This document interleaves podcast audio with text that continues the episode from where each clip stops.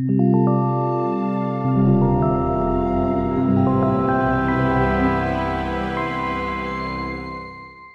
och välkomna till Akademiska smådåd. Det här är en podcast för dig som anser att det är problematiskt att det är oklart över vad som är så osäkert och diskutabelt med tveksamma forskningspraxis. Mitt namn är Simon Skau, jag befinner mig i Göteborg. Och jag heter Kristoffer Sundberg och sitter i Lödösen. Jag heter William Thomson, sitter i Göteborg. Och jag heter Pontus Plavens Grang och jag sitter i Malmö. Gött! Kul att snacka igen. Läget, hur är det dessa tider med det? Alltså jag börjar bli positiv och försöker se att uh, jag börjar tänka på så här.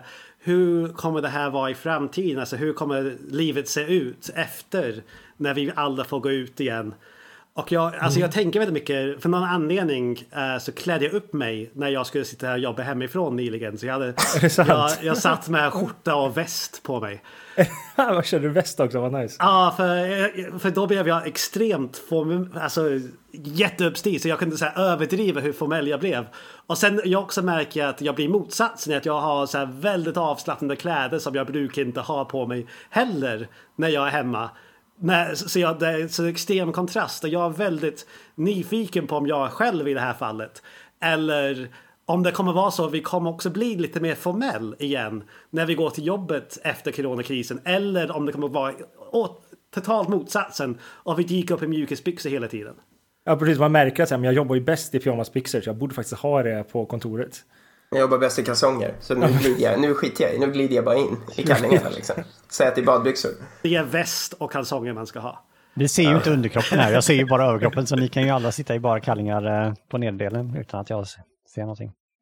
Vi sitter ju i ett videokonferensprogram, ja. Zoom, men det finns även andra videokonferensprogram som man kan använda sig av. Uh, som resten av hela världen gör just nu skulle jag gissa. Sitter ja. och liksom tittar på varandra över en skärm. Jag tycker det fungerar förvånansvärt bra att ha möten över, över liksom videokonferens. Just kanske på grund av att jag kan sitta i kalsonger. Så det känns väldigt bekvämt alltihopa. Men liksom den här gamla devisen, det här mötet kunde vara ett e-mail, har ju aldrig liksom känts liksom bättre på något vis. Man kan bara muta sig själv, man kan bara stänga av kameran och så kan man gå och ta en kaffe och sitta och göra något annat medan liksom mötet pågår. Det är ju jättesvårt att göra det i ett IRL-möte. Mm. Ja, det är sant. Alltså, du kan ju inte, kan inte bara börja läsa en serietidning mitt i liksom, alltså, en, en dragning. Det kanske kommer, alltså för till exempel, alltså nu, nu går jag helt off uh, track nu men um, Ja, alltså när, när jag växte upp i England så gick jag i skolan och då kunde man inte gå ut i korridoren under lektionstid utan någon slags kort som sa att jag får gå ut och gå på toa under klass, klasstid eller någonting. Så man var tvungen att sitta i klassrummet hela tiden som möten är idag. Men sen kom jag till Sverige och folk sa håll käften till läraren och gick ut när som helst. Uh, så det kanske blir så i möten framöver att vi säger håll käften till personen som presenterar, gå ut och hämta en kaffe. du, tror, du tror att du är mer korrelerat till så ålder och mognad snarare än, snarare än kor coronatider, tänker jag. Men uh, ja, vem vet helt enkelt. Kanske att uh, våra normer kommer förändras, våra arbetsnormer kommer förändras något oerhört efter det här. Jag tänker också att folk kommer vilja att återgå till det. Om det släpper, när det släpper, att folk kommer vilja återgå till det normala och bara liksom vara i det så mycket som möjligt. Jag tror de kommer ha väst på sig. Det är det som jag det tror jag också. Okay, vi, det är en spaning vi kör här ja. helt enkelt. Vi gör ju väldigt få spaningar i akademiska smådåd generellt. Så att vi kan ju åtminstone vi kan ju ha den här spaningen helt enkelt. Det är min hypotes som jag gör innan vi testar. En så kallad, en så kallad förregistrerad hypotes. Yes. Fantastiskt. Men det är lite intressant för jag har tänkt på det i, i flera ämnen inom humaniora till exempel vet jag i alla fall att man, man hade en push för ungefär tio år sedan att när man anställde någon så var de tvungna att vara på plats minst, liksom minst 50 procent. Även om de alla sitter ändå på sina rum, men tanken var att det ska fodra en god forskningsmiljö så att säga. Så att förut var det väldigt många som var anställd, till exempel Göteborgs universitet, då, det jag är eller var. Ehm, men som bodde kanske i Lund eller Stockholm eller Umeå, men de var associerade till universitetet och de säger att det spelar ingen roll för jag jobbar ändå här och jag åker ner de två veckorna jag har kurs och så gör jag min forskning hemma. Men så la man in den här tanken då att så här, ja, men du måste vara där för att det ska bidra till forskarmiljön. Undrar om det här, alltså, ja men corona nu när folk kanske, vem vet, tänk om folk blir produktiva, att den går tillbaka helt enkelt. Det skulle för sig... Jag tror det. Jag har en känsla av att det kommer bli så, just för att folk upptäcker eh, det här snacket som varit så länge att man kan ta vissa möten digitalt och så här. Så jag tror att eh, när man väl upptäcker hur bra det funkar så kommer det nog Alltså man kommer utveckla metoder för distansundervisning och sånt som sen kommer att liksom leva kvar. Eller, jag kanske hoppas det bara för att jag söker så mycket jobb som är långt härifrån och jag behöver pendla och har pendlat så mycket. Men eh, jag vill tro det. Eh, jag, tycker, ja, jag tycker lyssnare som, är, som inte jobbar inom akademin kommer tänka så här shit vad bortskämda vi är att folk kanske tycker det är jobbigt att behöva vara på arbetsplatsen 50% av tiden. Alltså, jag satt också och tänkte på det. Liksom, att så här, det här måste ju uh, avslöja en hel del om vår mentalitet. Och... Men på tal om att, för, att vilja se någonting. Eh, ska vi kanske gå in på ämnet idag?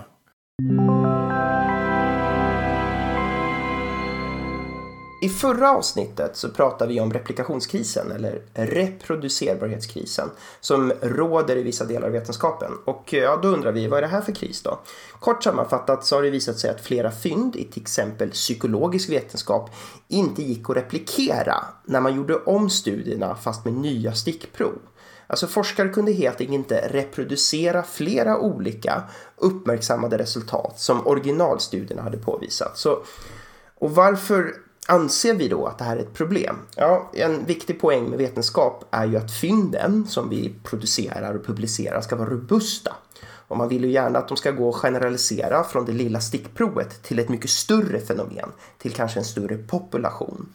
Så om vi fortsätter med psykologin som exempel så kan man ju tänka sig att man ofta vill säga någonting om allmänmänskligt beteende och inte bara beteende hos den här lilla gruppen människor som råkar vara med i en specifik studie. Och kan man inte få samma resultat när man undersöker samma psykologiska fenomen flera gånger fast i olika stickprov, ja då kanske det vetenskapsfältet har ett problem.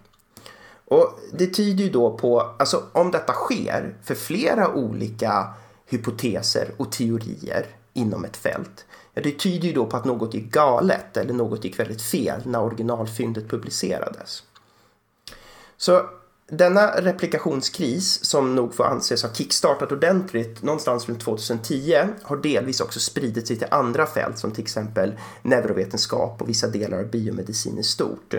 Man kan inte reproducera eller replikera vissa viktiga, intressanta och till viss del sexiga fynd som har publicerats tidigare.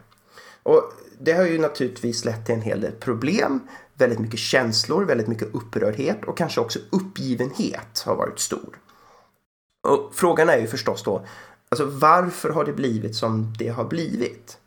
Hur kan så många resultat, så många hypoteser, så många teorier som har varit lovande och intressanta och som folk har arbetat med så länge och lagt så mycket tid på.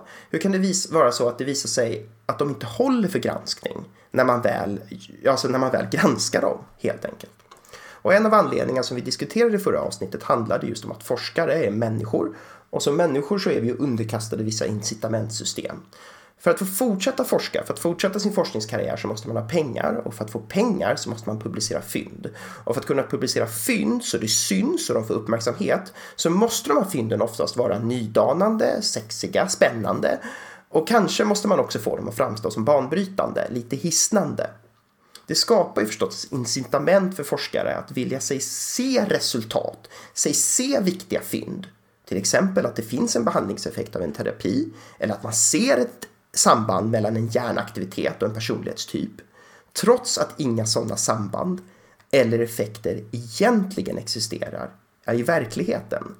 Alltså man hittar och presenterar kunskap som att den vore sann fast den är inte det. Alltså det är så kallade falska alarm. Och då kan man ju tänka sig så här, men eh, vad är det som händer här? Är inte hela poängen med, den, att, med vetenskapen att de här vetenskapspersonerna ska använda sig av metoder som gör att man inte bara kan plocka fram de fynd man vill ha utan att man faktiskt ska få fram sanningen inom situationstecknen, vad den nu är. Men att vi ska använda metoder som leder till tillförlitliga, korrekta resultat. Så rent teoretiskt ska ju förstås forskare följa stringenta metoder som ser till att fynd är robusta och reproducerbara. Annars är det ju inte vetenskap, eh, kanske per definition. Men det är här delvis kruxet ligger. Det har ju visat sig varit förvånansvärt enkelt att avvika från dessa stringenta metoder som faktiskt finns och på ett medvetet men framförallt kanske omedvetet sätt böja eller hacka resultaten så att det framstår som relevanta och tydliga mönster när det egentligen bara är brus i data. Och det här förvaringssättet liksom har diskuterats så pass mycket nu så att det har fått ett namn på engelska. Questionable Research Practices. Och det kanske låter sig översättas till svenska eh, som tveksam eller tvivelaktig forskningspraxis. Alltså, man har genom åren nu med hjälp av metavetenskap och ganska mycket och långa diskussioner om det här lyckats identifiera en hel drös av sådana här eh, tvivelaktiga forskningspraxis som forskare verkligen ägnar sig åt och som gör att forskningsresultaten, i alla fall inom vissa fält, inte alls blir så robusta och reproducerbara som man kunde hoppas och som man då kunde tro att de skulle vara utifrån det vetenskap, vetenskapen ska vara egentligen. Och vad ska vetenskapen vara? Ja, jag tror vi som, sa det förut. Det ska vara det sätt vi har som vi kan få fram den säkraste kunskap vi bara kan som människor. Så i förra avsnittet så utlovade vi att vi idag skulle diskutera lösningar till replikationskrisen inom till exempel psykologin och neurovetenskapen. Men där får vi göra en pudel. För att för kunna diskutera lösningar så måste vi nog gå in på detalj kring vad dessa questionable research practices är för något. Alltså varför har de uppstått? Hur funkar det? Hur kan det kvarstå? Och på vilket sätt leder de till sådana här replikationsmisslyckande och icke-robusta resultat? Så i detta avsnitt kommer vi helt enkelt fokusera på att diskutera de här tveksamma eller tvivelaktiga forskningspraxis som tycks råda inom, inom vissa fält. Och kort då, vad är ett exempel på en questionable practice i forskning? Det finns ju massvis att välja mellan och massvis att diskutera och jag kommer inte hinna ta upp alla. Så istället kommer vi länka till en artikel som innehåller en omfattande lista. Så den som är intresserad lyssnare kan gå in och läsa på själv. Men några exempel som jag vill nämna redan nu, för att jag stött på dem själv bland annat, är till exempel 1. När forskare presenterar en hypotes a priori och hittar stöd i data för den, fast den här forskaren har egentligen grundligt utforskat data innan hen kom på hypotesen. 2. Prövar massa olika statistiska analyser, alltså forskaren prövar massa olika analyser av samma datasätt men väljer bara att presentera det, eh, den analys som gav utslag i favör åt forskningshypotesen och inte alla de analyserna som inte visade på ett mönster. De sopas undan eller presenteras inte helt enkelt. Eller det sista exemplet tre. En forskare då som väljer att enbart publicera de fynd som stödjer ens teori. Men man låser in de datasätt eller man lås, man, de, de fynd som inte stödjer teorin, de sopar man under mattan och de får aldrig se dagens ljus. Låter det här hemskt? Ja, det, det, kan man ju tycka att det gör. Men jag tror det är viktigt att komma ihåg att när vi diskuterar detta så är alltså mycket av de här tveksamma eller tvivelaktiga forskarbeteenden sker mer eller mindre omedvetet. Ibland kan det vara så att goda intentioner, till exempel läkare som desperat vill hitta fynd för att hjälpa sina patienter, kan leda till dåliga utfall i forskningssammanhang. Jag ska också säga att alla de här beteendena rör sig på en gråskala som nog får anses vara mer eller mindre allvarliga. Alltså det går ju från relativt oskyldiga ting som man kanske citerar en artikel i sin egen forskningsrapport fast man har egentligen inte läst hela artikeln man citerar, man har bara läst sammanfattningen av artikeln. Men det går ju liksom, det kan ju anses vara oskyldigt och så går det ju hela vägen upp till mycket, mycket allvarliga beteenden som att man fabricerar datasätt, fabricerar datapunkter helt och hållet. Så det är vad vi ska prata om idag. Uh, Okej, okay. tack Pontus. Det var, det var mycket. Uh, och uh, ja, det är bra att du, ja, rätt. Ehm, jag är intresserad här. det var ju en del ord där i slutet. Fabrikera och som sagt, det är en skala, en gråskala du tog upp. Men för vår idealist i, i sammanhanget som tror på allt det goda om vetenskapen Eh, Kristoffer, eh, alltså när du hör en sån här presentation om, eh, från Pontus, vad, vad tänker du då? Är det inte deprimerande att den enda som inte jobbar inom vetenskap är liksom den som är idealist och tror att eh, vetenskapen var... Men det känns som att William är ganska eh, eh, positiv också. Eh, för mig är ju detta fortfarande ganska färskt. Och ehm, dels nu eh, eh från att pratat med er och dels hört eh, Pontus introduktion. Ehm, men det är också så att ni, ehm, om vi ska vara helt ärliga, så har ju Pontus och William och även Simon skickat ut lite texter innan sånt som man kan kika på. Och jag har liksom läst en del nu som jag inte har läst förut. Så allt detta är ganska färskt för mig. Om, om man tar, kanske låter lite överdramatiskt, men om man talar om det som ett sår eller så, här, så är ett såret fortfarande väldigt färskt för mig. Och det är faktiskt eh, Ja, men det är precis som Pontus beskrev det, där, att, eh, att det är mycket känslor inblandade. En del blir liksom upprörda, känner sig svikna, kanske kan bli lite så här upprörda. Jag är väl, gissar jag, mer i det stadiet än eh, ni andra, för ni andra känner till de här sedan tidigare och hunnit liksom smälta och sett kanske flera sidor av det. Så, här. så för mig är det fortfarande så färskt. Och jag, alltså, jag blir ju lite besviken får jag ändå säga. Sakerna som framkommer här är ju ganska långt ifrån den idealbild som kanske målas upp när eh, kanske icke-vetenskapare beskriver vetenskap eller så som vetenskap skrivs kanske på introduktionskurser av olika eh, slag.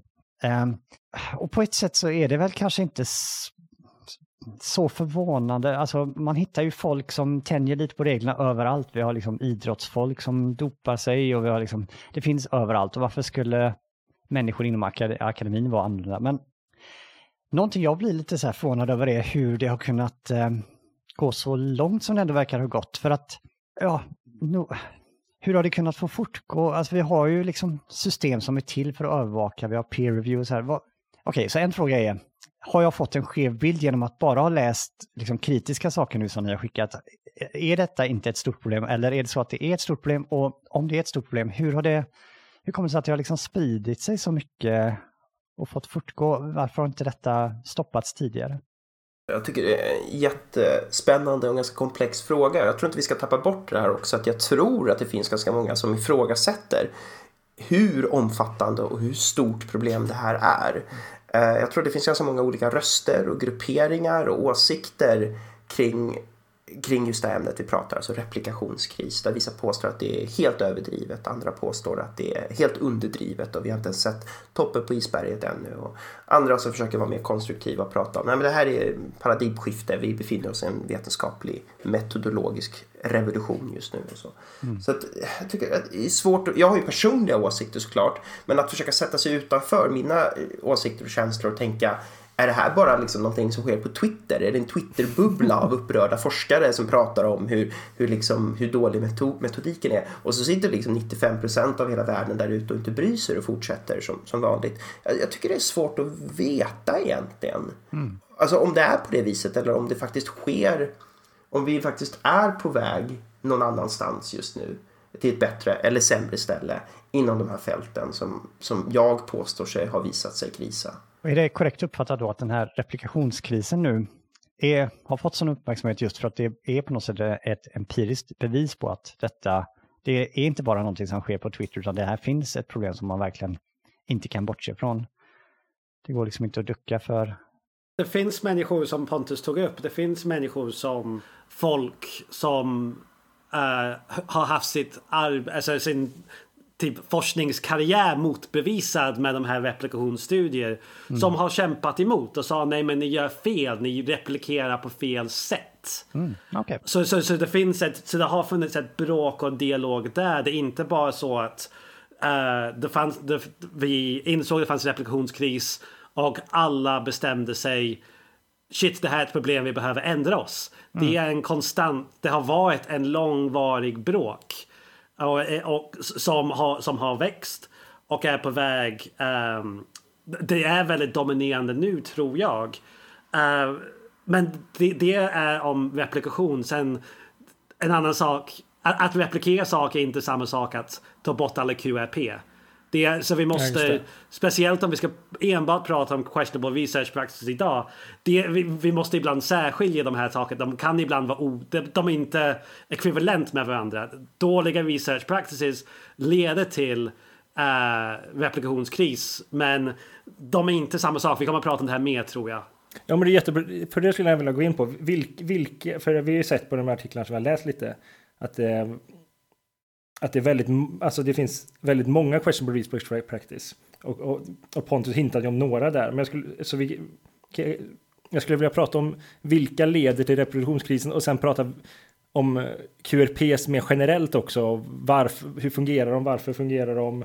Och, och, och som Pontus sa, hur, hur kan man styra dem om de är inherenta i att vi är människor eller inte? Jag skulle också vilja bara cykla tillbaka till det vi liksom pratade om för några sekunder sedan när William sa att det finns ju de forskarna som liksom argumenterar emot det här därför att de har fått sin forskning eh, folk har försökt replikera den och så har man liksom misslyckats med det och så har man visat så här din forskning specifikt är inte replikerbar, den är inte reproducerbar och då har de liksom blivit upprörda och bara nej, nej, nej, ni har fel, det är ni som har fel, det är inte jag som har gjort fel hela livet. Men jag tänker på att det, det är mycket större än så för det finns det finns ju ganska många människor som inte kanske har fått sin egen forskning eh, liksom replikerad och liksom fått misslyckade replikationer utan men de har profiterat och levt i ett system som har lett fram till problematiska resultat eller hur man nu ska säga det. De har liksom, de har fått, de har premierats av ett systemfel eller många olika systemfel som har samverkat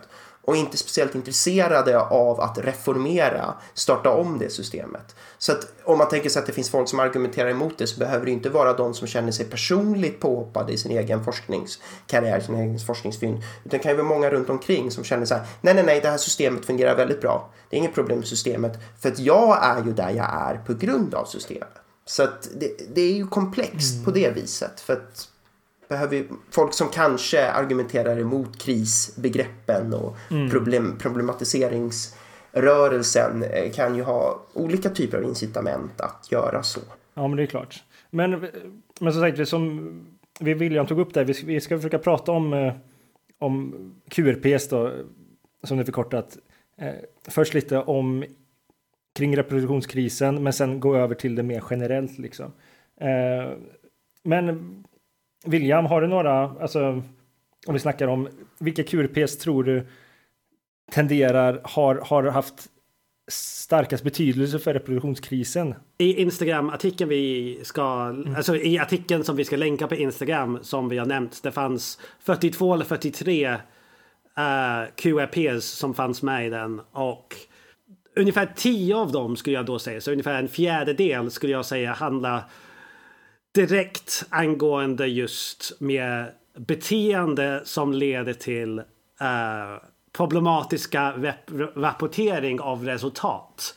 Så till exempel, jag vill inte gå in på alla uh, tekniska detaljer kring, olika, kring statistik men ofta så sätter man en tröskel på vad som anses vara en vetenskaplig fynd eller vad som anses som ett nullresultat. Man kan prata väldigt länge angående um, just det där beteendet. Vi kommer säkert prata om det väldigt mycket i andra avsnitt. Men det finns folk som tenderar till exempel att avrunda sina resultat för att uh, nå den här tröskeln. Så till exempel om man sätter en tröskel på 0,05 och man, och man har resultat som, som egentligen är 0, och för, för en vetenskaplig film ska det vara under den här tröskeln. Och man, med sina, sin data så får man ett värde på 0,054. Uh, äh, folk har ibland avrundat den ner till 0,05. Och som Pontus tog upp i monologen, det finns det här med uh, att man, man, får, man hittar någonting i sin data och sen efter man har hittat det så säger man man hade den hypotes från början. Det är någonting som kallas för hacking. Så det finns både sån här hur man presenterar sin data och hur man analyserar sin data. Som kan... Och vad, stå, vad står harking för då, William? Uh, hypothesis after results are known. Um, så, så, så, så, det, är ett, det är två exempel på hur man analyserar eller presenterar sina resultat som kan leda till missvisande eller som man ger högre förtroende i sin, vad sin data säger än vad det egentligen gör. Och det är ett sätt som kan leda till replikation. Um, så, och det är, ju, det är ju inte så att folk... Det, det, är ofta inte så att folk tror att de när de avrundar till exempel, när de skapar de här hypoteserna i, i efterhand. Det är inte så att de tror de förfalskar sin data eller de, det, det är mer att de, de, de visste någonting fanns där och de försöker ändå äh, skapa ett paket. Och det här som Pontus tar upp ibland om att ha sexiga resultat. Då ska man ha sådana här fina vetenskapliga paket som man skickar till tidskrifter. Och då är det bra om, om det låter som att man har alltid haft den här hypotesen som, som resultaten visar. Det, för man, man ser lite dum ut kanske om man säger vi hade ingen hypotes, vi hittade det här. Istället är det bättre att säga, istället tycker folk, eller så här, folk har tyckt det går inte ens att publicera resultat om man inte har um, Om man inte har en klar tydlig hypotes som är bekräftad av sina resultat. Eller, eller om man inte har det här äh, statistiska kriteriet under det här tröskelvärdet. Alltså om Precis. det är över, då kan man inte publicera. Så vi måste hitta på ett sätt att få det att komma under, tänker man då. Och, och, och så ursäkta, så vet man, får man egentligen inte göra, så ska vi inte göra. Men man hittar på goda, tycker man då i stunden, ursäkter ja men vi kanske ändå gjorde fel, vi måste titta på datan igen och ta bort den, lägga till den, titta om, göra om den statistiska metoden och helt plötsligt så är det under tröskelvärdet och då stoppar man och säger så här, ja men nu, nu, nu tror vi att det är rätt analys vi har gjort. Så, så nu kan vi paketera in det här på det sättet William beskrev och skicka in det till tidskriften som tittar på det och säger att det här ser ju sunt och robust ut, här ser vi inga oegentligheter. Vi, present, vi, vi liksom presenterar ut det här till allmänheten eller till forskningssamfundet. Så om man vill vara snäll mot forskare på, på ett visst sätt, det är med att vi har suttit upp, vi, vi har skapat vissa ibland arbiträra och dåliga kriterier för att vi ska kunna publicera forskningsfynd. Vi sen spenderar ett par år för att göra en forskningsstudie. Och så eh, forskare vill då, när, när de får sina resultat som är så nära att kunna publiceras men inte går, så tänker de de måste ha gjort någonting fel. Så de går tillbaka och säger men har vi gjort någonting fel här? Och hittar så här, ja men den skulle kunna vara bättre om de ändrar på den så då helt plötsligt kan vi publicera den. Men de har bara tänkt att ändra på just den inställningen på någon del av sin uh, analys på grund av att den inte gick att publicera när de gjorde den först. Mm. Alltså det har inte att göra med, det har inte att göra med huruvida det är mer eller mindre sant, om det är bättre eller sämre kunskap, om det är mer eller mindre information eller signal. Utan det handlar egentligen bara om att du ska uppnå ett arbitärt publikationströskel. Alltså du ska, du ska, och det är ju inte, har ju ingenting med sanning, kunskap, forskning att göra. Det har att göra med me mellanmänskliga kommunikationer och ett incitamentsystem som jag var inne och röjde kring runt där i min monolog. Men jag vill... Ja. Ah. Nu vill, vill, eh, nu vill Kristoffer Ja, Kristoffer, kör Kristoffer först. Nej, jag vet inte, jag kommer vara för grinig, men jag tycker det, på ett sätt tycker jag det låter som att ni är alldeles för snälla. Alltså, det ni säger är ju att folk, Pontus vill gärna säga så här att, ja men framförallt omedvetna saker, men hur kan man det här vara omedvetet? Är det ju genomtänkta saker som man ändrar och reglerna är ju uppställda som så att de har ju inte fått det här resultatet om de går tillbaka och sen och ändrar medvetet. Alltså, jag har så svårt att se att detta inte är att fabricera liksom, data. Jag ser, liksom, att det här ska okay. vara så har... radikalt. Äh, men vänta lite. Tänk på någonting, det här är ju ändå viktiga saker. Det är mycket pengar involverat. Och det är liv och död. Alltså om det här är medicinsk data så är det faktiskt människor som kan dö. Alltså, jag, ingenting provocerar mig. Okej, okay, nej nu håller jag på att säga någonting. Men jag blir väldigt, väldigt provocerad av sån här eh, mycket alternativmedicin, så här häxdoktorer och så här. Folk avslutar cancerbehandlingar för att gå till någon som säljer, eh, jag vet inte, pyramidkraft på flaska eller någonting. och så vill man ju tro att vetenskapen erbjuder någonting bättre. Och det tror jag fortfarande att det gör. Men jag blir så fruktansvärt provocerad ändå av att folk kan göra så här för att helt enkelt ta fram brus och lyfta fram det som signal på, på ett medvetet sätt. Alltså någonting som inte når över ett tröskelvärde. Alltså om du sen efteråt säger att du hade den här hypotesen bara för att den råkade titta fram så har du liksom egentligen haft brus men du säger att det där var signalen. Och det kan ju leda till att felaktiga, alltså väldigt allvarliga saker. Och en sak som slog mig var att eh, inom kanske är detta en konstig jämförelse, men inom elitidrott så för mig är idrott bara liksom lek. Alltså det är, det är ingen som hälsar, alltså jag förstår att det är mycket pengar och så investerat och folk tränar och så, men det är liksom inte liv och död utan det är liksom bara en sorts lek. Och ändå har vi liksom ganska stränga straff för folk som dopar sig och vi, vi litar inte på att idrottarna ska liksom självrapportera och säga att nej jag lovar, jag har inte dopat mig. Men ändå finns det de här jättestarka incitamenten. Det är bara några få som får lov att bli elitidrottare. Och hur ska de klara sig? Borde de inte få lov att dopa sig lite då för att kunna stå sig mot den här jättejobbiga konkurrensen? Nej, men då, de flesta verkar väl tycka att nej, det, då ska de ju liksom bestraffas om de gör det och det är, liksom, det är ingen rättighet att vara elitidrottare utan ja, det är jättesvårt att vara det. Och, men du får inte lov att dopa dig för att komma dit. Men det låter för mig, kanske har jag fått en väldigt förenklad bild här, men det låter som att här har vi en situation där vi förväntar oss att forskare ska vara sin egen dopningskontrollant. Och liksom vi har inget sätt att kolla upp om de har dopat sig eller inte, vi förväntar oss att de ärligt ska rapportera att nej, jag lovar, jag har inte dopat mig.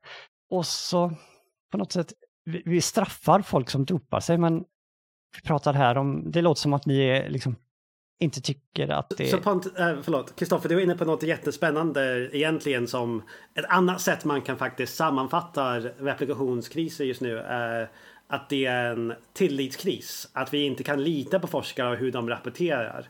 Så, och jag tycker du har helt rätt på det att man och när vi kommer in på våra lösningar alla lösningar som vi kommer förmodligen prata om i nästa avsnitt kommer handla om hur man kan minimera um, den här friheten som forskare kan ha för att begå de här QRPs. Mm. Men... Men det är bra att du säger tillit, för det är nog därför det gör lite ont i hjärtat. För det är liksom en tillits... Att det är just det som gör att man blir lite upprörd. Att det är liksom haft tillit till någon och så känner man sig lite sviken. Ja, men, men oftast, alltså det är som Pontus sa i början och eh, att det, det handlar väldigt mycket om man tror på sin hypotes och man är ganska säker den är där. Man behöver bara typ gräva fram lite mer. Alltså, men när man pratar med folk som begår sådana här saker Um, de menar väl oftast. De tycker deras hypotes är sant. De tror på sin hypotes. Alltså i vissa fall, ibland ska man hypotes efteråt, men i vissa av de här fall vi pratar om. Så det, det kan handla om att man tror på någonting så pass mycket att man är så säker den är där att man ska titta lite mer. Um, mm. Så om man tänker sig på en... Uh, nej, jag ska inte dra det exemplet. För doping är ju, det är ju, det är ju ett regelbrott, det är ju ett fusk. Och det William försöker gå in på här är det som Pontus tog också upp, att det är liksom, det är eh, beteenden som är eh, godtyckliga på något sätt. Och jag skulle gärna vilja alltså, särskilja dem för, alltså questionable, det är ju inte, för, för Pontus tog upp i, i sin monolog, avslutade med att det är fabricering av mm. data.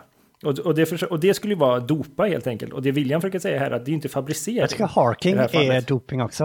Uh. Jo, alltså jag tycker dopninganalogin är alltså fantastisk. Jag, tycker är, jag personligen tycker den är väldigt bra. Så kan man säkert ha massa liksom, tekniska invändningar till att nej, det går inte alls att översätta. Men, men också det du sa, Kristoffer, tycker jag är huvudet på spiken. Vi förväntar oss som forskare vara vår egna antidopingsbyrå. Hur väl fungerar det? Si och så. Inom vissa fält fungerar det förmodligen väldigt, väldigt bra. Kanske för det finns en större tradition av att man är varandras dopingbyrå. Mm. Och inom andra fält, och då generellt kanske de mjukare vetenskaperna, så har det fungerat sämre helt enkelt. Och eh, alltså det här är ju svårt. Och Fast det, just... Alltså för att, alltså, du får komma tillbaka, tänk på vad du ska säga, men jag vill bara få in det här att alltså doping är aktivt fel. Eh, att springa på linjen under ett eh, 400 meters lopp är också fel, men du kanske kan ha en tendens att råka göra det. Och att springa på linjen kommer leda till snabbare resultat.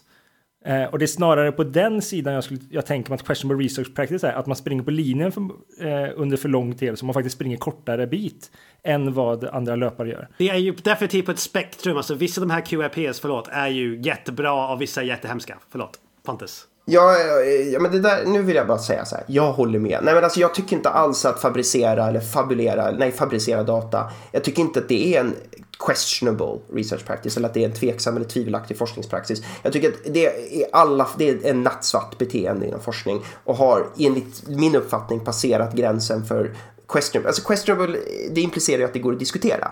Och alltså begreppet questionable research practice introducerades ju på grund av att man vill ha folk med sig på tåget.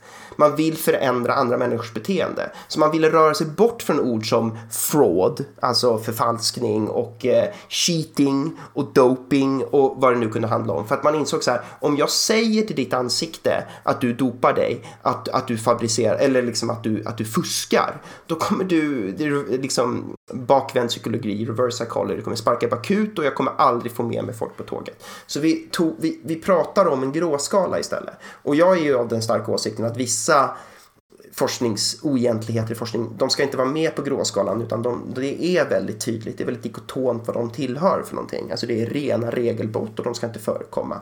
Och där är ju till exempel att göra känslig human forskning utan etiktillstånd eller att fabricera data. Det ska ju liksom vara på den här på, har passerat gränsen. Eh, så att, eh, vi kanske ska diskutera just springa på linjen som Simon är Simon tog in på. För det var, tyckte jag också var en bra analogi. Liksom. Om, man sett, om man gör ett övertramp då och då.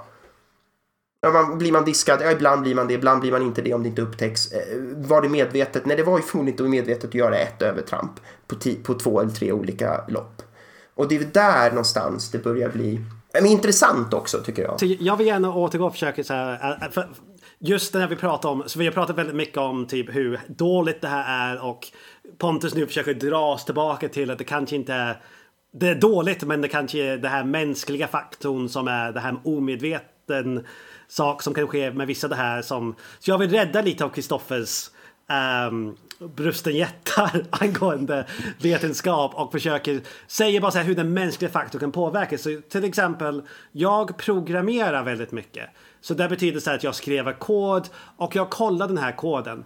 Och någonting som väldigt många programmerare, speciellt i de akademiska fält gör, är vi, när den ger oss en oväntad resultat som vi inte trodde skulle stämma, då tror vi vi har gjort någonting fel i vår kod och kollar extra noggrant. Men om vi får rätt svar, då kanske vi inte kollar tillbaka. Och det är faktiskt någonting jag har behövt träna på jättemycket att det är jättedåligt att man tar ett svar som man vill ha och då har man gjort rätt. Man mm. måste alltid dubbelkolla. Man måste alltid uh, se till man inte har gjort ett, ett fel på vägen. Och jag, det är nästan, det är jättesvårt att säga så men hur mycket måste man dubbelkolla sig själv? Att mm. man inte har gjort ett misstag. Och, det, och jag tror det är på samma sätt med vissa av de här uh, eh, QRPs är mest att folk vill väl de, och de gör det som är optimalt för dem. Så det, det, där, det där sättet ger dem det bästa svaret, så de gör det. Och in, mm. Så de, det ger så kort, eh, kortsiktigt mest eh, nytta. Så de tar det. Och inte tänker på det här länges perspektiv av vetenskaplig, vetenskapens hållbarhet och eh, trovärdighet i längden.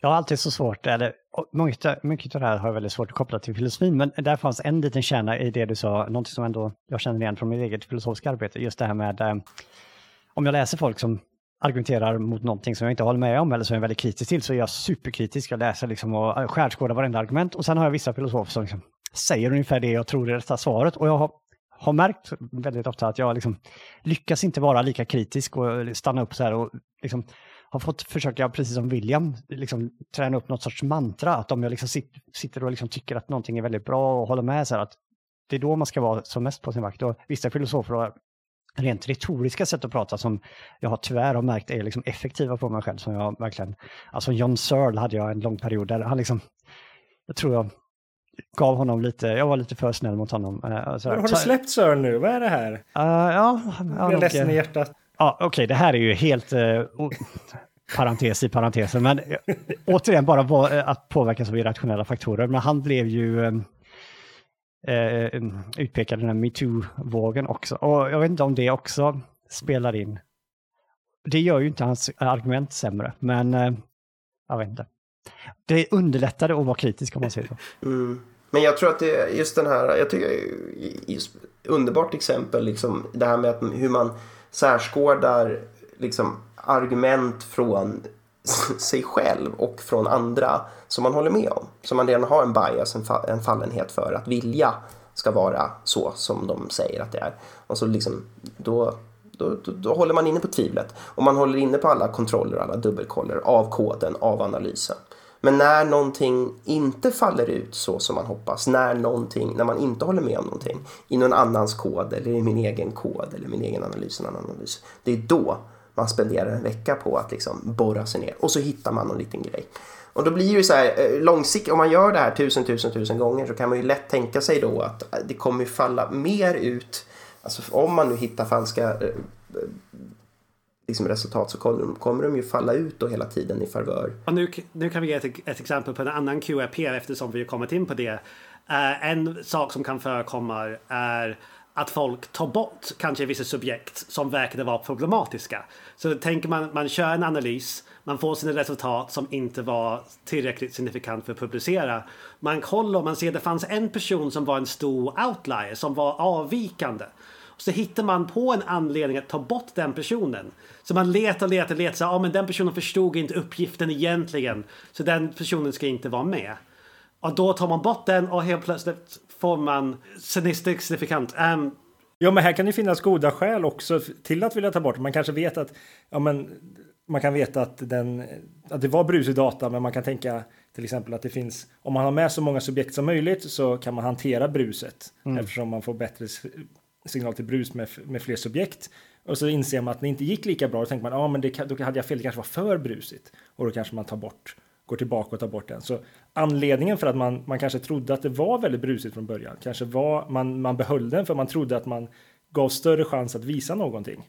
Och sen så såg man att man inte kunde visa någonting. Mm. Då går man tillbaka så... Men det här är jättesvårt för det finns ju mer eller mindre goda anledningar att ta bort en, datapunkt till exempel. Alltså jag, återigen, att ta bort datapunkter det kan vara okej okay ibland och ibland är det ju nästan likvärt med att fabricera data, alltså hitta på det från första början. Och det är ju där den här gråskalan kommer in igen. Liksom. Hur goda anledningar har man? Hur mycket gör man det på grund av att man vill bara få fram ett resultat? Mm. Och hur mycket är det eh, som man då kan publicera, paketera på det här viset William var inne på, skicka ut till en tidskrift. Eller hur mycket är det verkligen att man säger, men jag har väldigt goda anledningar, det här sabbar verkligen analysen, det sabbar verkligen eh, robustheten i min, i min data. Och, och då är vi liksom, ska man, det är kanske lösningsförslag, men så kan man presentera med och utan, alltså göra dubbla spår, mm. liksom, det finns ju sätt man kan handskas med det här.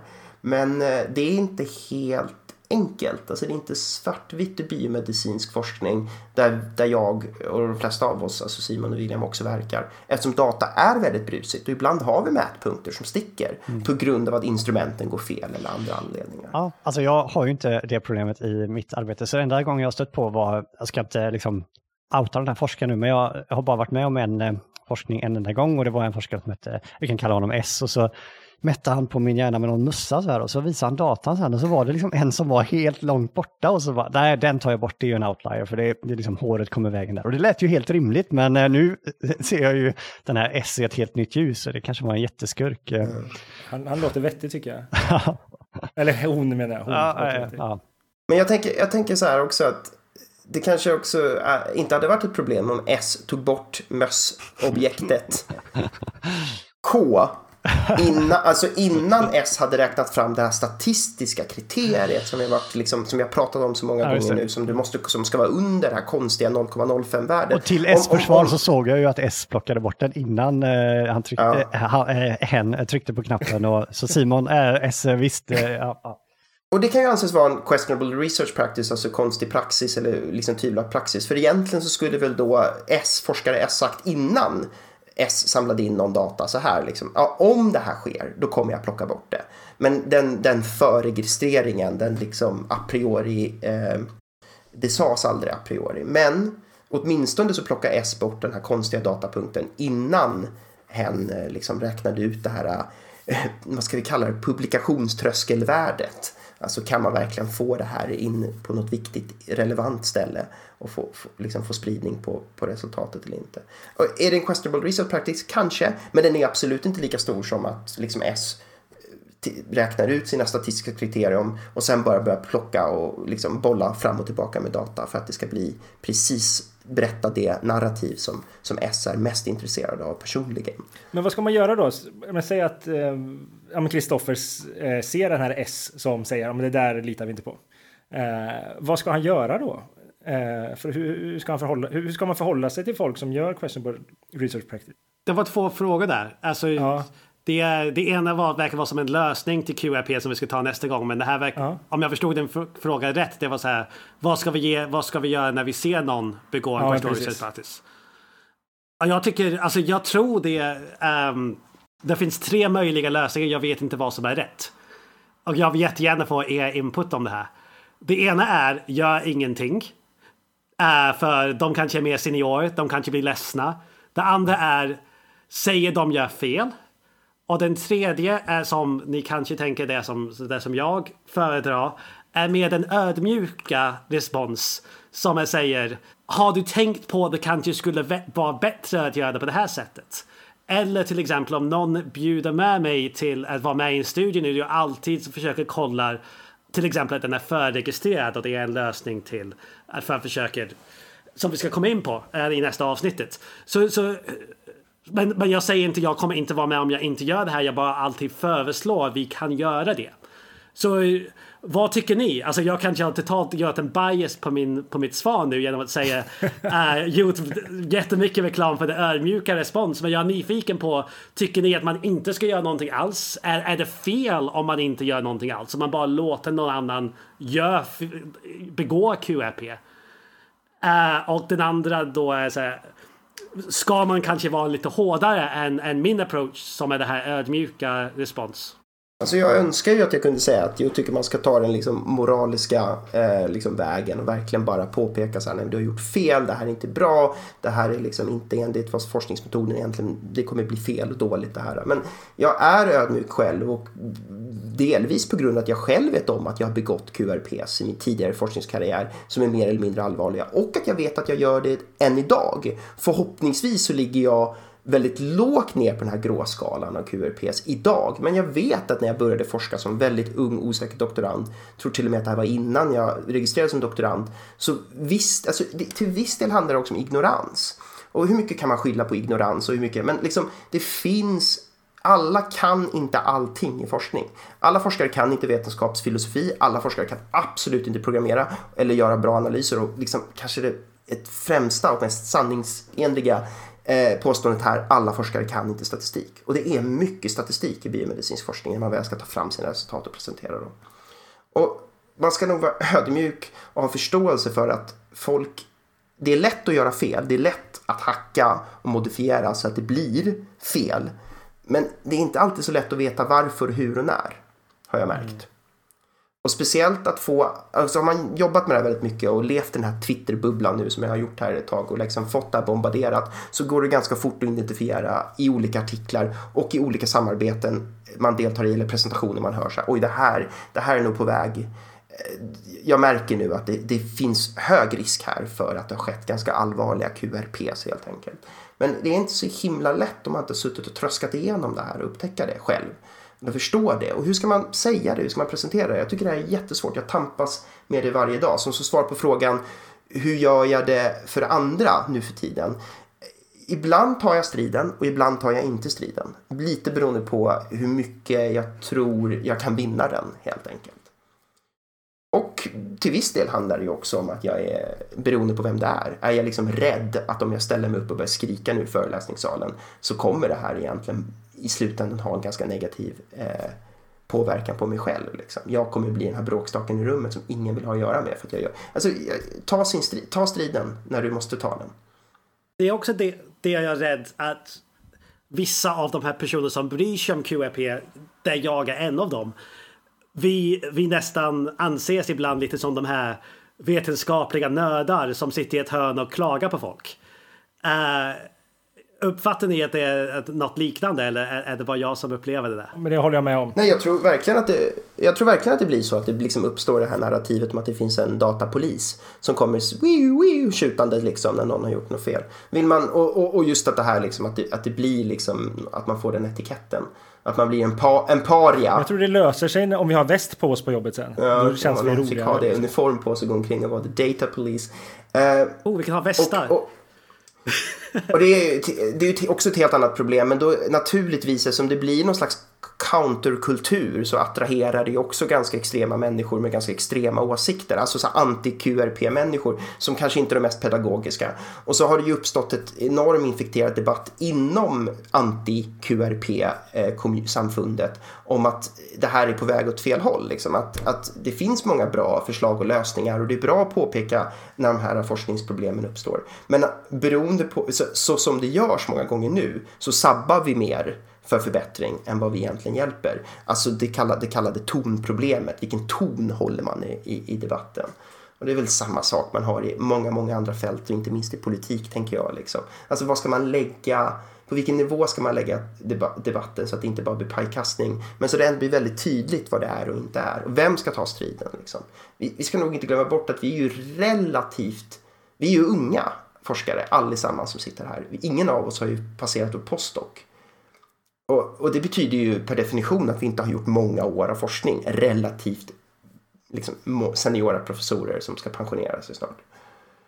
Så att eh, jag vet inte, det är ju svårt. Vi ska ju liksom leva ett fält många, många år framöver. Vill man ens leva ett fält om det är helt nedlusat av QRPs? Vill man stanna då? Det är, frågan. Det är väldigt viktigt. Vilket fält är det? Och du pratar om att det varit biomedicinska fälten och psykologi och liknande.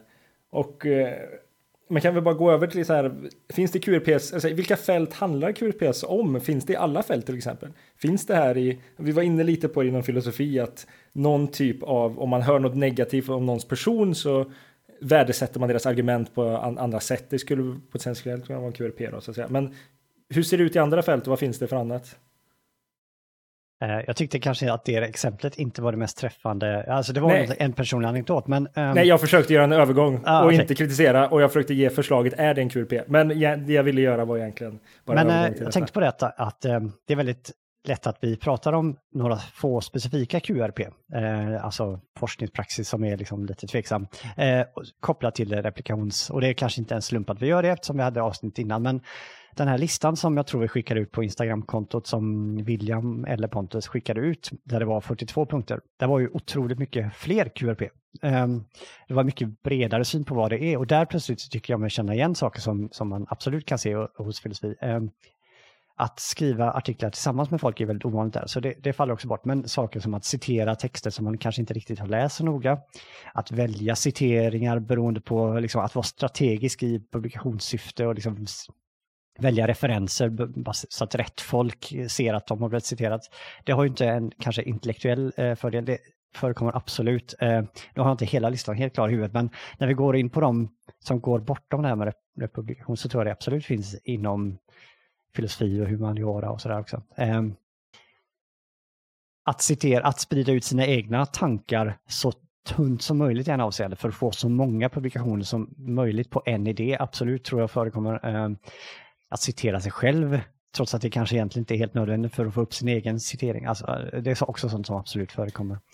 Um, så man ska ju absolut inte tro att uh, till exempel filosofer är på något sätt bättre människor än uh, andra forskare. Och jag är helt övertygad om att hade det varit lika enkelt att fuska på de här andra sätten, eller okej, okay, fuska var för starkt ord, fuska slash göra lite småbusiga saker. Hade det varit enkelt att göra det inom filosofi så hade det säkert skett också. Jag tror helt enkelt bara att det inte går för att de inte jobbar med den sortens data. Så därför förekommer det inte. Men inte för att filosofer på något sätt är bättre än människor såklart. Så när det kommer, alltså jag brukar ju fokusera på psykologin för jag tror det är mest tydligt där. Jag, replikationskrisen uppstod väl där och, och utifrån psykologin har väl också det spridits. Sen har ju för psykologin fördelen att människor som är, jobbar med psykologi är intresserade av psykologiskt bete alltså beteende. Och det här är ju mänskligt beteende. För skulle alla följa de vetenskapliga metoderna, alltså de här statistiska metoderna som robotar, då tror jag vi skulle haft mycket mindre av det här, eh, det vi, de här snäva QRPsen som vi har pratat om, som just är kopplade till analys och kod och metod. Så att det är kanske därför just som psykologer just har uppmärksammat det i sitt eget fält och det, det ska de väl ha cred för i så fall. Förekommer det andra fält?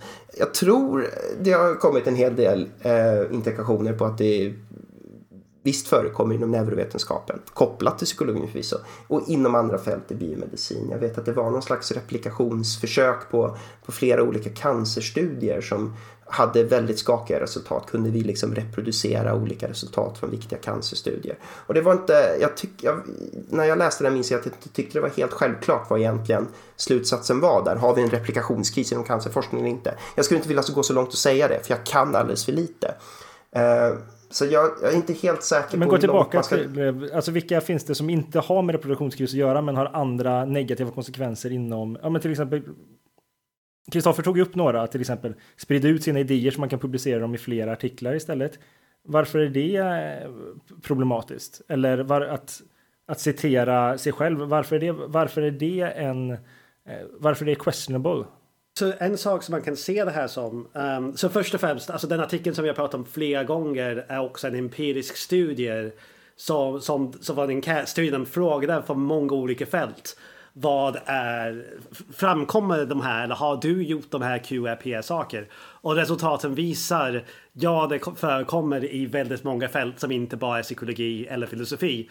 Så um, ja, de förekommer, men de, de som framkom mest var just de som inte nödvändigtvis de här replikations-QRP vi har pratat om utan det här, de här andra.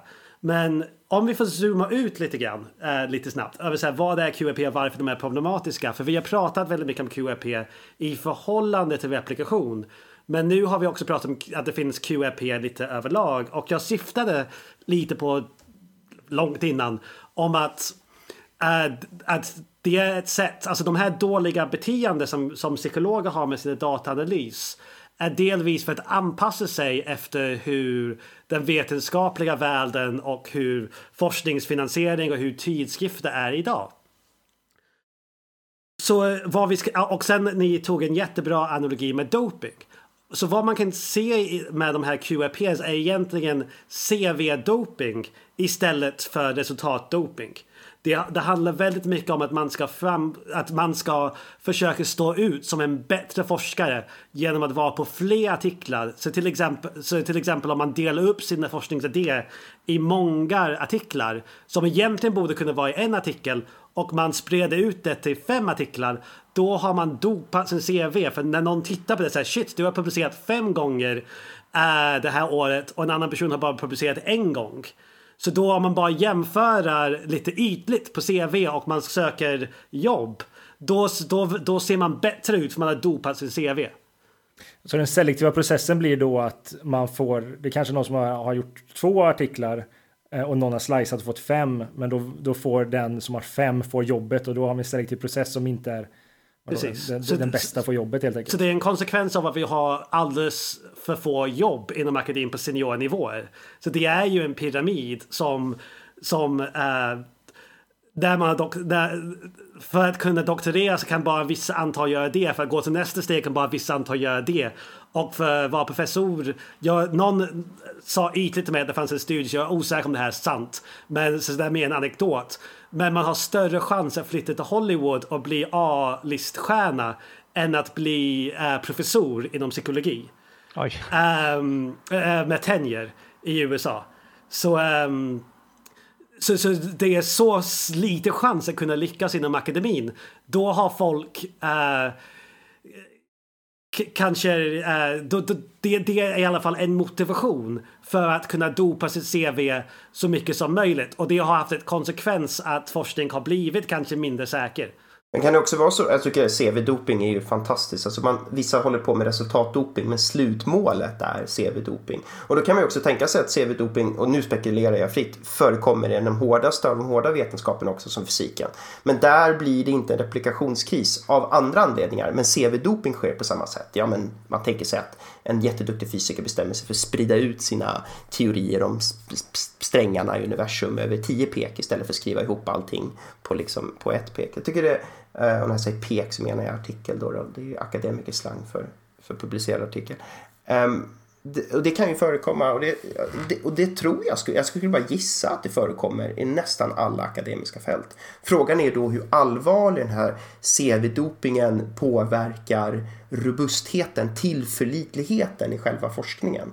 För att återigen, att sprida ut någon sak på tio artiklar, ja, problematiskt. Men om alla de tio artiklarna är sanna någonstans, om de består av viktig konkret information, fine. Låt den eh, professorn få de tio artiklarna då.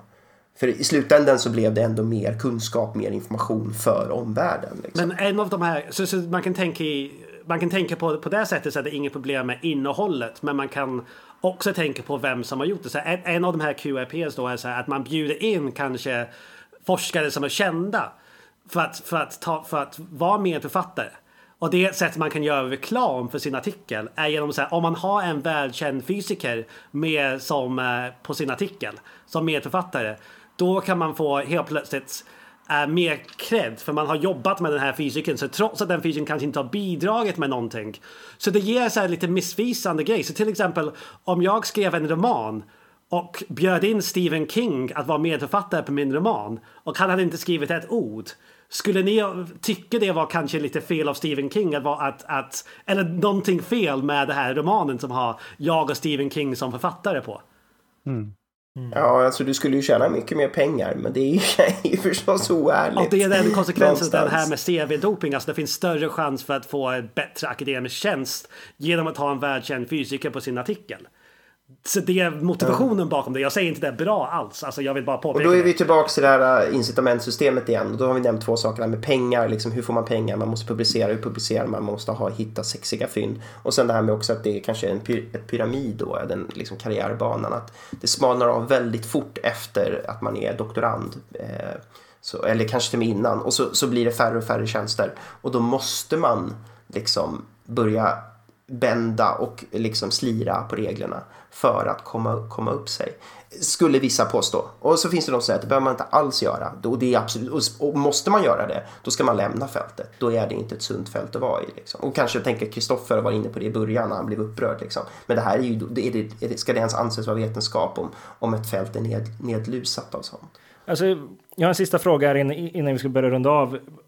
Först vill jag säga, de här incitamentstrukturerna behöver vi gå igenom mycket mer än någon annan gång. Det känns som vi har bara rört lite lätt. Men, men min fråga har lite med, man kan tänka sig att det finns tre typer av incitament och vilka tror ni påverkar just de här typen av mest? Är det ena, säg vad man brukar kalla för storföretag och kapitalism i, som pumpar in pengar i forskning? Är det den egna karriären eller är det övertron på en teori och vara relativt ideologisk? Ja, spontant alla tre. Eh, hand i hand. Alltså kanske med den andra och den tredje. Alltså den enskilda forskaren har svårt att påverka hur mycket pengar som kommer, kommer in i forskningsvärlden som man kan som vi, som vi tävlar om för att kunna få. Uh, men jag tror absolut det går hand i hand att man tror på sin idé så mycket att man är beredd att gör, att vissa är beredda att göra vad som helst för att kunna visa att den är sant. För att kunna fortsätta med den hypotesen. Så efter man är så, efter så, så, så man är, man är okej okay med att begå de här QRP på grund av um, man är så övertygad på sin hypotes. For the greater good liksom. Jag tror också, alltså jag, jag, jag tror också man inte ska glömma bort att tidskriften, de vetenskapliga tidskrifterna dit vi måste gå för att publicera våra fynd, de har ett ganska tungt ansvar i det här. Det är svårt att publicera nollresultat i vetenskapliga tidskrifter för det finns eh, editors, alltså de som sitter och håller i tidskrifterna, eh, tenderar helt enkelt att refusera sådana eh, artiklar man skickar in där man inte kan uppfylla det statistiska kriteriet, där man inte kan paketera in resultatet sådär snyggt som William, som William sa. Och då säger de nej, det här är inte nytt, det här är inte intressant, vi vill inte publicera det här. För vi har en läsarkrets, vi har, är beroende av att folk citerar oss. Och de bär ju ett ansvar där. Och vilka är de? Ja, ibland är det sådana här publicist, enorma publicistfirmor liksom som, alltså helt enkelt stora företag som bara försöker klämma ut så mycket pengar som möjligt. Och det kan man ju anse mer eller mindre perverst beroende på hur man är lagd politiskt och ideologiskt. Men ibland så är det ju också forskarna själva som eh, liksom, oj nu tror jag att jag, jag avbryter, avbryts av annat här helt enkelt. Men Pontus gör en äh, jättebra poäng där. När, just när vi kan skilja på kapitalismen på det sättet, på den fronten. Kristoffer, har du något att lägga till om det här? Har väldigt eh, svårt att säga vad det är som orsakar. Jag känner att jag har mindre inblick. Jag har två saker som ligger mig nära som jag skulle vilja ta upp, men jag vet inte om jag avbryter ert flow då. Men, eh, ta upp dem. Okej, okay, jag bara säger dem. Eh, Okej, okay, men den första är att eh, jag tänkte på detta när, eh, hmm, var det William som frågade kanske hur, vad man ska göra om man upptäcker de här, att någon eh, gör detta. Och det bara slog mig att eh, att det här är ju otroligt svårt såklart. Eh, liksom moraliskt, personligt, känslomässigt och allting. Å ena sidan, liksom, jag kan verkligen förstå att det är tufft som eh, junior att, eh, att säga ifrån. Jag, eh, jag kan ta upp exempel själv där jag sett saker. Men, och det är väldigt svårt. Och eh, det är också så att även om det är ju ändå människor allting. Och att, liksom, att bete sig som en skitstövel mot någon som man tycker gör fel, det kan ju nästan vara som mobbning. Det är också något väldigt hemskt. Samtidigt om man ser någon som fuskar eller gör något omoraliskt borde man inte säga från. Otroligt svårt. Men jag tycker, lyft inte detta upp det här eh, perspektivet att ni eller vi bör inte försättas i den här rollen att vi ska behöva säga ifrån. Alltså, måste det... Hade det inte varit så mycket bättre med någon sorts dopningsinstitution eh, Alltså att detta tas, ansvaret tas från eh, enskilda individer, att det ska liksom finnas i systemet inbyggda saker som gör att det ska liksom inte ens kunna uppstå så att eh, inte liksom att ansvaret ska vila på folk på golvet att skvallra eller skälla ut någon eller liksom göra någonting. Utan det ska liksom finnas ett system som gör att det ska inte gå att göra, att dopa sig helt enkelt. Eh, att det borde vara mycket bättre att jobba på den fronten istället. Och med det vill jag inte sagt att om man ser någon som fabricerar data, att man inte borde säga ifrån. Det är klart, man, alltså det är ju en avvägning här. Liksom, när är det berättigat att gå in och, och sätta hårt mot hårt? Men ja, en fruktansvärt eh, svår fråga som man inte har något enkelt svar på. Det är den ena saken. Den andra saken är väl en sorts, mm, en, en, en slutsats av detta eh, avsnittet och det vi har pratat om och det jag läst. Ändå, jag hoppas att det, det kommer säkert vända sig och jag får nyansera mer så här. Men jag inser att jag nog kanske har varit lite naiv i min tilltro till eh, psykologiforskning till exempel. Jag liksom, när jag jobbar inom medvetandefilosofi och folk kommer liksom med data från psykologi så har jag liksom mer tagit det på ordet. Och liksom, jag, jag, är inte psykologiforskare så jag har liksom tänkt att ah, ja, de har nog koll och så får jag liksom bara försöka tänka vad följer av detta om detta nu stämmer. Och så här. Men där känner jag att min tilltro är liksom kraftigt försvagad. Att jag om de bara kommer med sån data, jag kommer liksom känna mig tvungen att... Och det här, när ni hör mig säga detta så tänker ni kanske att ja, det är självklart att du måste gå och kolla upp vad de säger. Men som filosof har jag liksom känt så att jag orkar liksom inte hålla på och gå igenom varenda undersökning. Om någon säger att ja, ja, massa studier har visat detta, ja, ja, okej. Låt säga att det följer, vad, och så, okej, så kan jag prata om filosofi, vad skulle följa av det? Men jag känner att allt det där är liksom för tillfället bortblåst. Att jag, jag kommer liksom inte tro på någonting om inte jag får titta på datan först och kolla lite så här ja, eh, så kanske har jag varit naiv eller så har jag, ja, kanske har jag bara vaknat upp i min dogmatiska slummer. Men no. Eh, min till, tillit till psykologistudier är eh, kraft, ganska kraftigt för, för, försvagad. Ja, två punkter. Jag, jag, jag tycker, um, jag vill bara svara på de där två punkterna. Jag tyckte första var så här ett underbart sätt att um, inleda till nästa eh, avsnitt som handlar ju om lösningar. Och väldigt mycket är ju systematiska förändringar som kan förbättra det här. Ta bort den individuella makten att eh, kunna eh, begå de här QRPs. Så det är jag hoppas du kommer bli uh, nöjd med hur vi har gjort de senaste åren. för att försöka bli att saker ska bli lite bättre. Men Uh, angående det andra, angående tillit till vetenskap. Eh, och jag tror, för det här var någon, jag, jag, jag, jag minns jag sa det här till er efter förra avsnittet. Att en viktig sak att tänka när vi pratar om replikationskris och som vi säger i nästan varje avsnitt, vetenskap ska vara den säkraste kunskapen vi har. Replikationskrisen har inte förändrat det det är fortfarande det säkraste vi har. Vi ska inte helt plötsligt tro på någon slags kvasivetenskaplig grej på grund av uh, replikationskris. Och när du listar på psykologistudier, som med all empiriska studier, det är den bästa kunskap vi har just nu. Och förhoppningsvis, problemet, problemet har varit att vi har det kanske inte har varit lika robust som det skulle kunna, ha var, skulle kunna vara och vi måste maximera det. Och det är det som psykologins mål ska vara i framtiden. Vi måste maximera det här tillit som de har till oss. Men jag tycker inte man ska uh, inte lita på något som någon psykolog någonsin säger i framtiden. Men man ska också komma ihåg att empiriska studier är, är ju inte hundra procent um, sant. Alltså man måste, det finns ju alltid möjlighet. Det kommer, den kunskapen kommer revideras om när vi får mer, mer data och mer kunskap. Ja, jag tänker på det mm. ibland när de här alternativmedicinmänniskorna pratar om det. Så är det liksom, ja men det finns så mycket mörka krafter och så här säger de alltid. Och så, ja men alla de mörka krafterna finns ju närvarande också i de här alternativmedicinfolken som ska sälja sina grejer. Och jag brukar alltid säga att ja men det är det minst dåliga vi har av vetenskapen. Jag bara har nog inte tänkt att det var så dåligt. Eller, ja. men det är ungefär som de här som försvarar, som säger, som vill försvara intelligent design och sådär. Så säger de, ja men evolutionsteorin är ju bara en teori. Ja, ja men kanske en väldigt bra teori. Eh, men det är den att, bästa teorin vi har. Ja, precis. Och psykologi är fortfarande den bästa kunskap vi har om mänsklig psykologi just nu. Vi ska inte tro på något annat än, tycker jag. Alltså jag tycker man kan fortfarande lita delvis, men att man får jättegärna ha skepsis, för det borde man ha haft hela tiden. Och kanske bristen på den skepticismen är en annan anledning varför vi har hamnat här. Att vi har mm. litat på folk och litat på resultat för mycket och inte äh, replikerat resultat.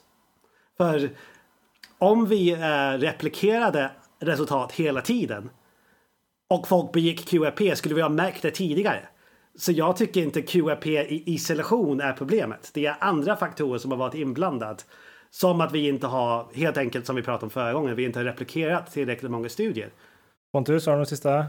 Alltså, och det blir väl delvis så ska vi gå in och prata, prata om det som ett lösningsförslag nästa avsnitt helt enkelt. Kanske bara ska öka replikationstakten. Man ska, direkt någon kommer ut med någonting, då måste någon annan liksom direkt slå ner på det. Så här, så här, okay, vi ska försöka göra samma sak fast liksom ännu bättre, ännu mer robust. Och kan inte vi hitta det, då, ska, då måste vi tvivla. Men eh, jag håller ju med om att vetenskapen liksom är det mest säkra vi har och även jag ser liksom inga andra alternativ. Så nu handlar det egentligen bara om att återfå förtroendet. Alltså återerövra det och genom vissa lösningar och genom vissa system systemförändringar. Och då tror jag nog att vi kan hamna där tanken var att vi skulle vara hela tiden. För 50, 60, 70 år sedan när psykologin, eller 100 år sedan när psykologin blev, påstod sig bli en vetenskap, man ska säga. Liksom ville gå in i det vetenskapliga finrummet. Så det tar vi i nästa avsnitt. Mm. Så snackar vi om det. Snyggt. Ska jag försöka sammanfatta nu då? Huh. Har, har, vi inte gjort det redan? Jag tyckte vi gjorde en gruppsammanfattning nu. Ja, vi gjorde en gruppsammanfattning. Skönt. kan vi göra det? Det funkar jättebra. Nu kör vi det. Gött. Huh. Ja. Tack så jättemycket. Hej. Hej. Tack för idag. Hej.